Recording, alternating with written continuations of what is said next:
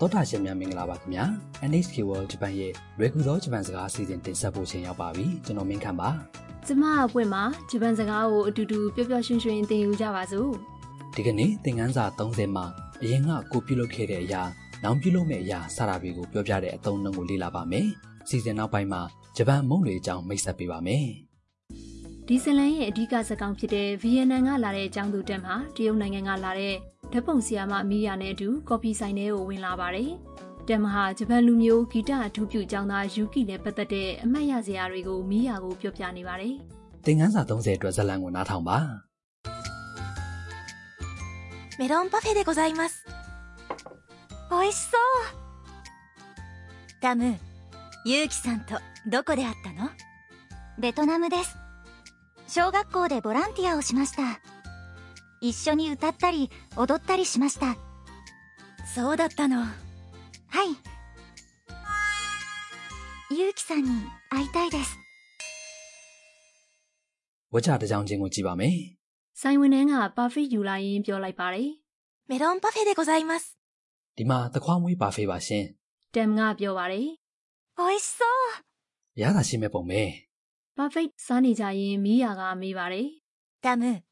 ユウキさんとどこで会ったの တမ်ယူကီဆန်နဲ့ဘယ်မှာတွေ့တာလဲ တက်မကပြန်ဖြေပါတယ် ベトナムです。 ဗီယက်နမ်မှာပါ 小学校でボランティアをしました。 ဘူလာတန်ကျောင်းမှာစေနာဝန်ထမ်းလုပ်ခဲ့ကြပါတယ် 一緒に歌ったり、踊ったりしました。 အတူတူသချင်းဆိုတာကတာတွေလုပ်ခဲ့ကြပါတယ် မီယာကပြောပါတယ် そうだったの。は အဲ့ဒီလိုတဲ့လား တမ်ကဆက်ပြောပါတယ် い。ゆうきさんに会いたいです。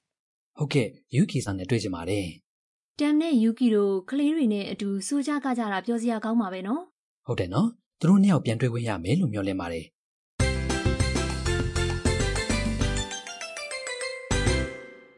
ဒီကနေ့အတွက်အဓိကအသုံးအနှုန်းက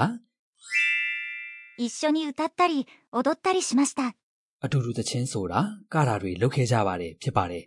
ဒီပုံစံကိုသိသွားပြီဆိုရင်အရင်ကကိုလုပ်ခဲ့တဲ့အရာနောက်ပြုလုပ်မယ့်အရာစတာတွေကိုပြောပြတတ်သွားပြီဖြစ်ပါတယ်စကားစုရဲ့အဓိပ္ပာယ်တွေကိုကြည့်ပါမယ် 一緒に ဆိုတာအတူတူ 歌ったり、 ဆိုတာ 歌う、 တချင်းဆိုတဲ့ဆိုတဲ့ကရိယာရဲ့အဆုံးကို たり、 လို့ပြောင်းထားတဲ့ပုံစံပါ 踊ったり、 ကလည်း 踊る、 ကတဲ့ဆိုတဲ့ကရိယာရဲ့အဆုံးကို たり、 လို့ပြောင်းထားတဲ့ပုံစံဖြစ်ပါတယ် しました。 ကလုပ်ခဲ့ပါတယ်လို့ဒီပဲရပါတယ်ဒီကနေ့အတွက်အဓိကအချက်ပါလှုပ်ရှားမှုမျိုးမျိုးတွေကဥပမာအနေနဲ့တချို့အရာတွေပြောတဲ့အခါ たり、 ပုံစံကရိယာကိုသုံးပါတယ် たり、 ပုံစံကရိယာဆိုတာကထက်ပုံစံကရိယာရဲ့အဆုံးကထက်ကိုဖြုတ်ပြီး たり、 ပေါင်းလိုက်တာပဲဖြစ်ပါတယ် ။အဓိကအသုံးနှုန်းမှာတမ်ကသူနဲ့ယူကီတို့အတူတူပြုလုပ်ခဲ့ကြတဲ့အရာတွေတွေကတချင်းဆိုတာနဲ့ကတာနှစ်ခုကိုဥပမာအနေနဲ့ရွေးထုတ်ပြောတာမို့လို့ဥဒတရီအိုဒိုတရီလို့ပြောလိုက်တာပေါ့နော် ဟုတ်ပါတယ်အဲ့ဒါတွေကအတိတ်ကာလကပြုလုပ်ခဲ့တဲ့အရာတွေဖြစ်တဲ့အတွက် しました。 လုပ်ခဲ့ပါတယ်နဲ့ဆက်ပြီးပြောတာပါ ။သောရရှင်တို့နားထောင်ပြီးလိုက်ပြောကြည့်ပါ 歌ったり、踊ったりしました。一緒に歌ったり、踊ったりしました。一緒に歌ったり、踊ったりしました。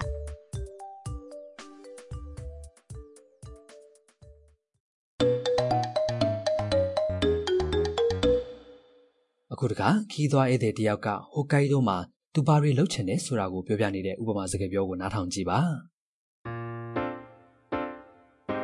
北海道で何をしますか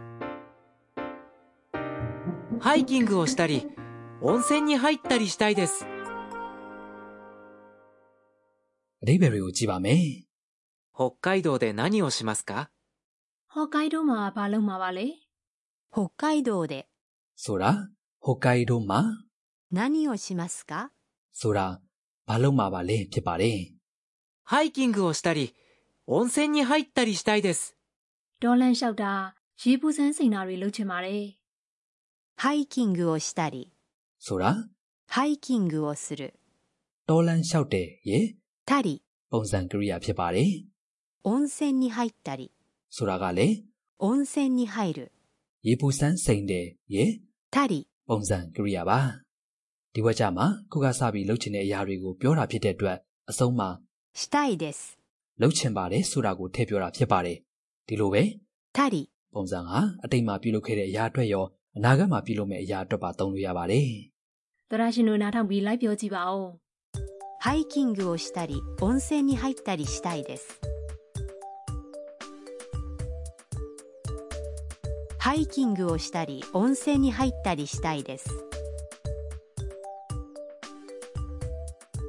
ハイキングをしたり、温泉に入ったりしたいです。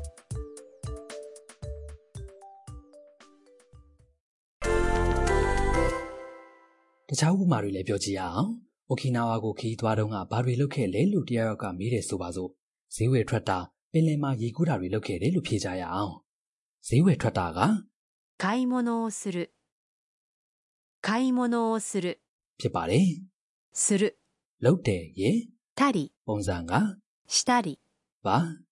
ပင်လယ်မှာရေကူးတယ်က 海で泳ぐ。海で泳ぐ。 ရေကူးတယ်ရေ たり、 ပုံစံက 泳いだり。泳いだり。 ဖြစ်ပါတယ်စူးစမ်းကြည့်ပါခင်ဗျာ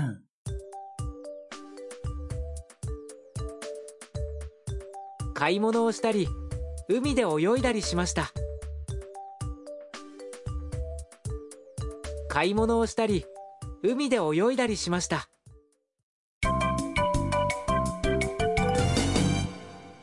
ဒီကနေ့အတွက်ပို့စုစကားကတမ်ကသူ့အတွက်ပါဖေးကိုမြင်တဲ့အခါပြောလိုက်တဲ့စကားပါအလွတ်မှတ်ထားပြီးသုံးကြည့်ပါခင်ဗျာ 美味しそうおいしそ ဆိုတာအရသာရှိမဲ့ပုံပဲလို့ဒီပဲရပါတယ်စားနေတဲ့အစားအစာကအရသာရှိတယ်ဆိုတာကိုပြောချင်ရင် う。おいしい。 လို့ပြောပါတယ်ဒါပေမဲ့မစားကြည့်ရသေးပဲအရသာရှိတဲ့ပုံပေါက်နေတာကိုပြောတဲ့အခါ おいしそ လို့ပြောရပါမယ် ဒီစကလုံးကိုပြောထားတဲ့အတန်ထွက်တွေကိုနားထောင်ကြည့်ပါ 美味しそう美味しそう美味しそう သရရှင်တို့တစ်ခေါက်ပြန်နားထောင်ပြီးလိုက်ပြောကြည့်ပါ う。おいしそう。 ဒီကနေ့ရဲ့ဇာတ်လမ်းကိုနောက်တစ်ချိန်ပြန်နားထောင်ကြရအောင်တမ်ကဗီယက်နမ်မှာတုန်းကအမှတ်ရစရာတွေကိုပြန်ပြောလိုက်တဲ့အပိုင်းကိုသိကြနားထောင်ပါ メロンパフェでございます美味しそうタムユウキさんとどこで会ったのベトナムです小学校でボランティアをしました一緒に歌ったり踊ったりしましたそうだったのはいユウキさんに会いたいです食いしん坊カイトにお任せ အခုတခါအစားကြီးတဲ့ကြိုက်တို့ရဲ့အစားအစာမိတ်ဆက်ကဏ္ဍဖြစ်ပါတယ် ဒီကနေ့ဇာတ်လမ်းမှာတမ်နဲ့မီယာတို့တခွားမွေးဘာဖိတ်စားနေကြတယ်နော်ဒီတော့အခုဂျပန်မုံတွေအကြောင်းပြောပြပါမယ် ဂျပန်မှာဂျပန်ရိုးရာမုတ်တွေရောအနောက်တိုင်းမုတ်တွေရောမုတ်ချိုတွေမျိုးမျိုးရှိတယ်နော် ဟုတ်ပါတယ်ဒါပေမဲ့အနောက်တိုင်းမုံလို့ပြောပေမဲ့လည်းဂျပန်စတိုင်ပြုပြင်တည်ထွင်ထားတဲ့မုံတွေအများကြီးရှိပါတယ်ဥပမာဂျပန်က short cake ဆိုတာကကိန်းမုံပွားပေါ်မှာအမြုပ်ထအောင်ခောက်ထားတဲ့ cream နဲ့ strawberry တွေကိုတစားဆင်ထားတာဖြစ်ပါတယ်ဒါနဲ့မပွင့်ရင်ဂျပန်မုံတွေထဲမှာဘယ်မုံကြိုက်ဆုံးလဲ မုံမီကြီးမန်းကြီးကိုကြိုက်တယ် ဟုတ်လားကျွန်တော်လည်းကြိုက်တယ်ဂျပန်ရွေးရမုံတွေမှာတော့မိုချီလို့ခေါ်တဲ့ကောင်းကျင်ထောင်းတွေဆန်ဘဲလို့ခေါ်တဲ့ဆန်မုံကျွတ်တွေနဲ့ပဲမုံတွေရှိပါတယ်နောက်ပြီးရာသီလိုက်စားနိုင်တဲ့မုံအမျိုးမျိုးလည်းရှိပါသေးတယ်နွေရာသီဆိုရေခဲချစ်ဆောင်းရာသီဆိုရင်တော့အာဇုကိပဲကိုချိုချိုရဲရဲပြုတ်ထားတဲ့အရေးဆက်ဆက်ဇင်းဆိုင်မုံတွေရှိပါတယ် မချလက်ဖက်ရည်စိမ်းအင်ဟာတာနဲ့ကိတ်မုံလိုမျိုးအရှိတိုင်းနဲ့အနောက်တိုင်းစတိုင်ကိုရောရှက်ထားတဲ့မုတ်မျိုးလည်းရှိရယ်နော် ဟုတ်ပါတယ်အမြင်လအောင်နုစိတ်လောက်ထားတာလည်းဂျပန်မုံတွေရဲ့ထူးခြားချက်ပါနွေဦးရာသီမှာ cherry ပန်းပုံတွေပေါ်အောင်ပြုလုပ်ထားတဲ့မုံတွေ နွေရာသီမှာကျယ်ရီစုံတဲ့ကောင်းကင်ကြည်လင်နေတဲ့စမ်းရည်စီးနေတာတွေကိုပုံဖော်ထားတဲ့မျက်စိအေးစရာမုံတွေကဆွဲဆောင်လို့နေပါတယ်။အယောင်သွေးစုံတစ်တီတွေနဲ့ဘာဖိတ်တွေကလည်းမျက်စိပသာဒဖြစ်စရာပါပဲ ဂျပန်မုံတွေရဲ့အသွင်ပြင်အလှပရောအရသာကိုပါခန်းစားကြည့်ကြပါလို့တိုက်တွန်းပါတယ်ရှင်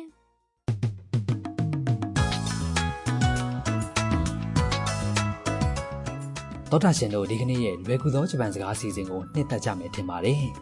နောက်တစ်ပတ်မှာတော့ဂျပန်ခေတ်ပေါ်ယဉ်ကျေးမှုတွေကိုကြိုက်နှစ်သက်တဲ့ Mike Harrison House ကိုလာလေတဲ့အကြောင်းကိုတင်ဆက်ပါမယ်နောက်တစ်ပတ်မှာပြန်ဆောင်ကြမယ်နော် ။